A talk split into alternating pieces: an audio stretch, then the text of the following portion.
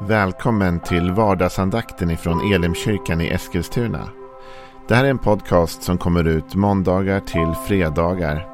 Om du vill veta mer om vilka vi är, vad vi tror på, hur du kan komma i kontakt med oss eller vad vi kan erbjuda dig för någonting så gå in på www.elimkyrkan.com.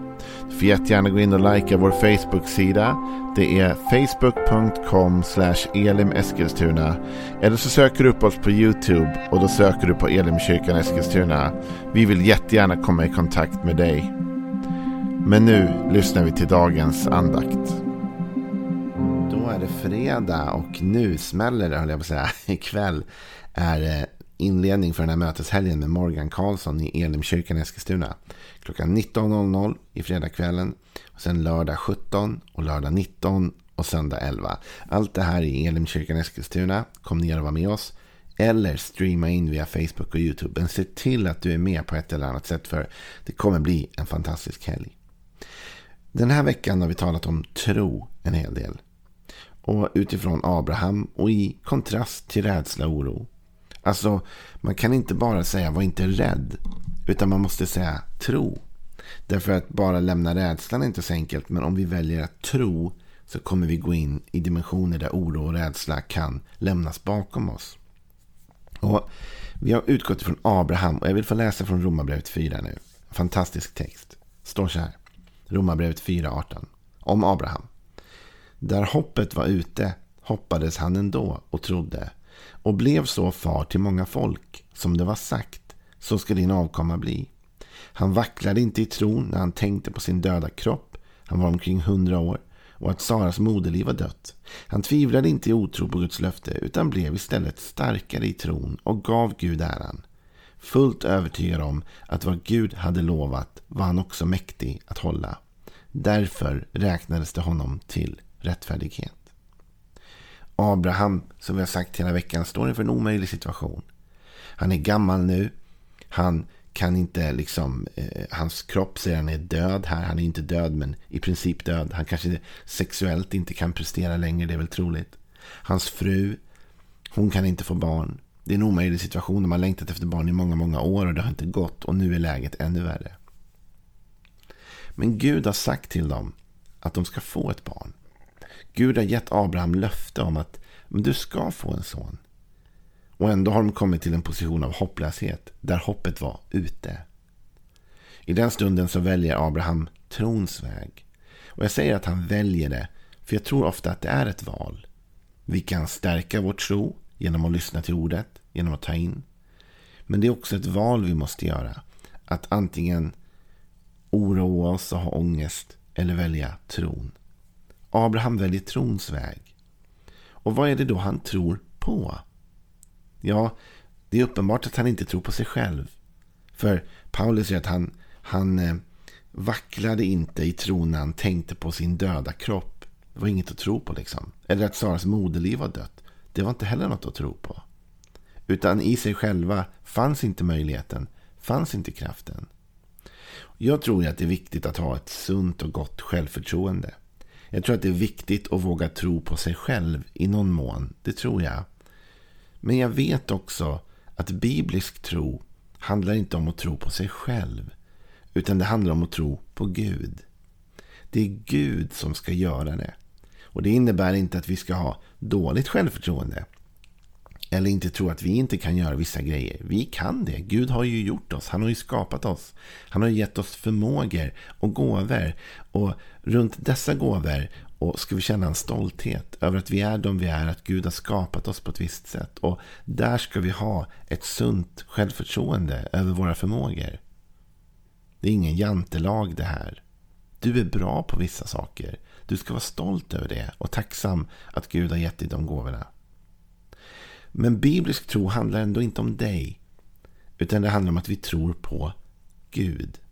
Det står ju så här om Abraham att han tvivlade inte i otro på Guds löfte. Utan blev istället starkare i tron och gav Gud äran. Det var ju Gud som hade lovat det. Och det var Gud som var ansvarig för sitt löfte. Och Abraham, han tvekar på sig själv här. Han vet att han inte kan längre. Han vet att hans fru inte kan längre. Men han tvekar inte på Gud. Han tvivlar inte på Guds löfte. Utan istället låter han det löftet göra honom starkare i tron. Gud har gett dig och mig också löften. Abraham hade ett löfte. Det står ju, där hoppet var ute hoppades han ändå och trodde och blev så far till många folk som det var sagt. Så ska din avkomma bli. Gud hade gett honom ett löfte. Och det var det löftet som Abraham valde att tro på. Och när man tror på ett löfte så är det inte bara löftet i sig man tror på. Utan det är ju personen som ger löftet. Du har säkert varit i sådana situationer där någon lovar dig att göra någonting. Eller någon säger det där tar jag tag i, det där ska jag göra. Men du känner, jag kan inte riktigt lita på just den här personen. Alltså jag är inte säker på att det blir gjort. Jag litar inte på det här löftet därför jag känner tveksamhet kring löftesgivaren. I retoriken talar man om det här som faktiskt en grej. Det kallas för ad hominem eh, retorik. Det ad hominem betyder mot människan. Och det innebär att genom att kritisera människan så om inte gör jag budskapet. Om jag kan få dig att framstå som en icke trovärdig person så kan ju inte heller någon lita på vad du säger. Guds löften. Att lita på Guds löften är att ha förtroende för den som gav löftet, Gud. Så vår tro är inte bara på löftet, utan vårt, för, vår tro är på den som ger löftet. För det finns ju säkert andra människor i ditt liv också. Som du vet att om du ber den här personen om någonting och den säger ja till det. Då vet du att det kommer bli gjort. Du känner inte ens ett behov av att dubbelkolla utan du är övertygad om att det här är en så trovärdig person. Att om jag ber den här personen om någonting då kommer det att bli som den här personen har sagt. Och så tänker jag mig att så är det med Gud. Att om du och jag har det förtroendet för Gud, då litar vi också på hans löften. Och då kommer till och med hans löften att ge oss styrka. Abraham tvivlade inte i otro på Guds löfte, utan blev istället starkare i tron. Alltså det vill säga, tänk att Gud, som jag har så mycket förtroende för, har gett mig ett löfte. Wow, det löftet litar jag verkligen på. Det löftet gör mig starkare nu i min tro. Och det ger i slutändan Gud äran. Och det är just detta med att ge Gud äran. Gud ställer oss ofta inför omöjliga situationer. Gud ställer oss ofta i hopplösa situationer. Bara för att få visa att ingenting är omöjligt för honom. Och att få visa sin styrka. Det är ju när du och jag tar oss igenom sånt vi inte borde kunna ta oss igenom som Gud blir förhärligad. Det är när du och jag fäller jätten Goliat så att säga. Som Gud får äran. Därför alla vet att det hade vi inte klarat i vår egen kraft. Eller i vår egen styrka. Och så blir Gud upphöjd. Vi ska lita på Gud och på hans löften.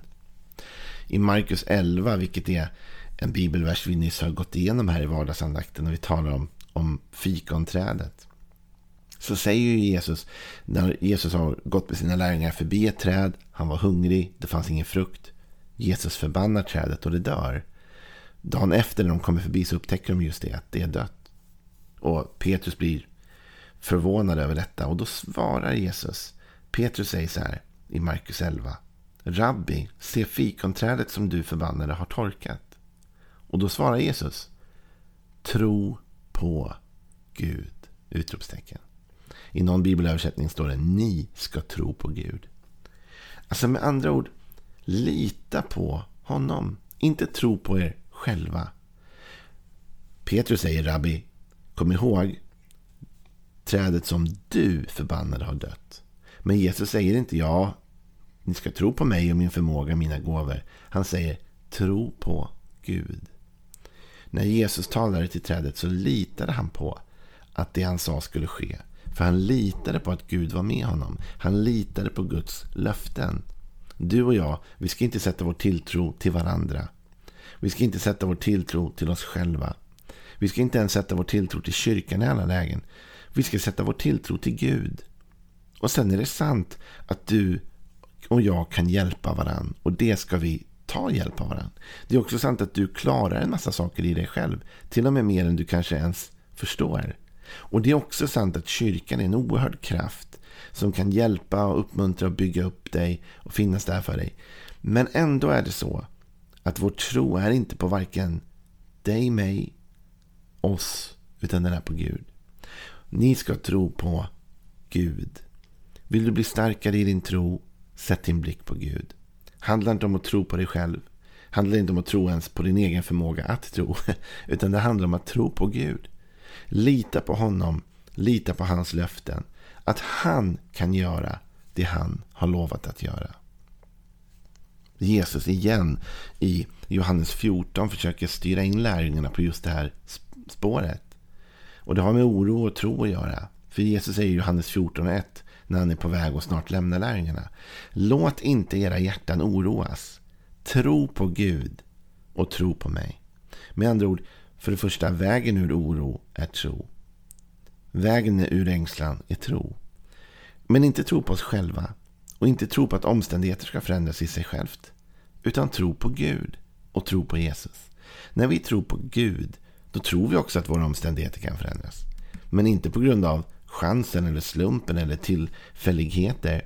Utan genom det att Gud är med oss. Och om Gud är för oss, vem kan då vara emot oss? Vår tro ska vara rotad i Jesus och inget annat. Du ska inte ens tro på din pastor i den meningen att han ska lösa dina problem. Det är bra att du har en pastor. Du ska be för din pastor. Eh, du ska välsigna din pastor. Du ska tala väl om din pastor. Alla de här sakerna. Men du vet, din pastor är också bara en människa. Vi tror på Gud, eller hur? Det är Gud som ska göra det. Det är Gud som har makten. Det är Gud som kan göra det omöjliga möjligt. Det är han som talar om det som inte finns, som om det redan fanns till. Det är Gud som ska få vara i centrum och det är Gud som ska få äran för allt det som sker. I Romarbrevet 4 avslutas det med detta att han tvivlade inte i otro på Guds löfte utan blev då istället starkare i tron och gav Gud äran fullt övertygad om att vad Gud hade lovat var han också mäktig att hålla. Så du vet, Abraham, han visste att omständigheterna var emot honom. Han visste att han själv och hans fru inte hade förmågan längre. Han visste att han stod i en omöjlighet. Han visste att mänskligt sett var hoppet ute. Men ändå var han övertygad om detta löfte. Därför han var övertygad om att vad Gud har lovat, det är han också mäktig att hålla. Så du och jag, när vi står i situationer i livet då vi ser omöjligheterna, då vi vet att vi inte själva räcker till, då vi vet att vi inte har vad vi behöver för att klara av det och vi kan inte hitta den hjälpen någonstans heller. Men vi har Gud med oss. Och vi har hans löften. Och om han har lovat någonting så är Gud också mäktig att hålla det löfte han har gett. Man kan lita på honom. Man kan lita på att det han har lovat i sitt ord, det håller att bygga sitt liv på. Gud är mäktig nog att låta det löftet gå i fullbordan. Så vi sätter vår tilltro och vår tro till honom. Så låt oss nu vända vår blick till Jesus. Låt oss inte oroas i våra hjärtan som Jesus sa. Låt inte era hjärtan oroas. Utan vi vänder vår blick till Jesus. Vi sätter fokus på honom. Vi vet att han är med oss vi vet att hans löften håller. Vi vet att han kan göra det vi inte kan. Och vi tror på honom. Och vi får säga som Paulus att om Gud är för oss, vem kan då vara emot oss? Jag önskar dig en riktigt, riktigt välsignad helg. Jag hoppas att du är med oss på ett eller annat sätt, live eller digitalt i helgen i Elimkyrkan. Eh, om inte annat så hörs vi på måndag igen när vardagsandakten fortsätter. Ha en riktigt god, välsignad och utvilande helg. Hej då.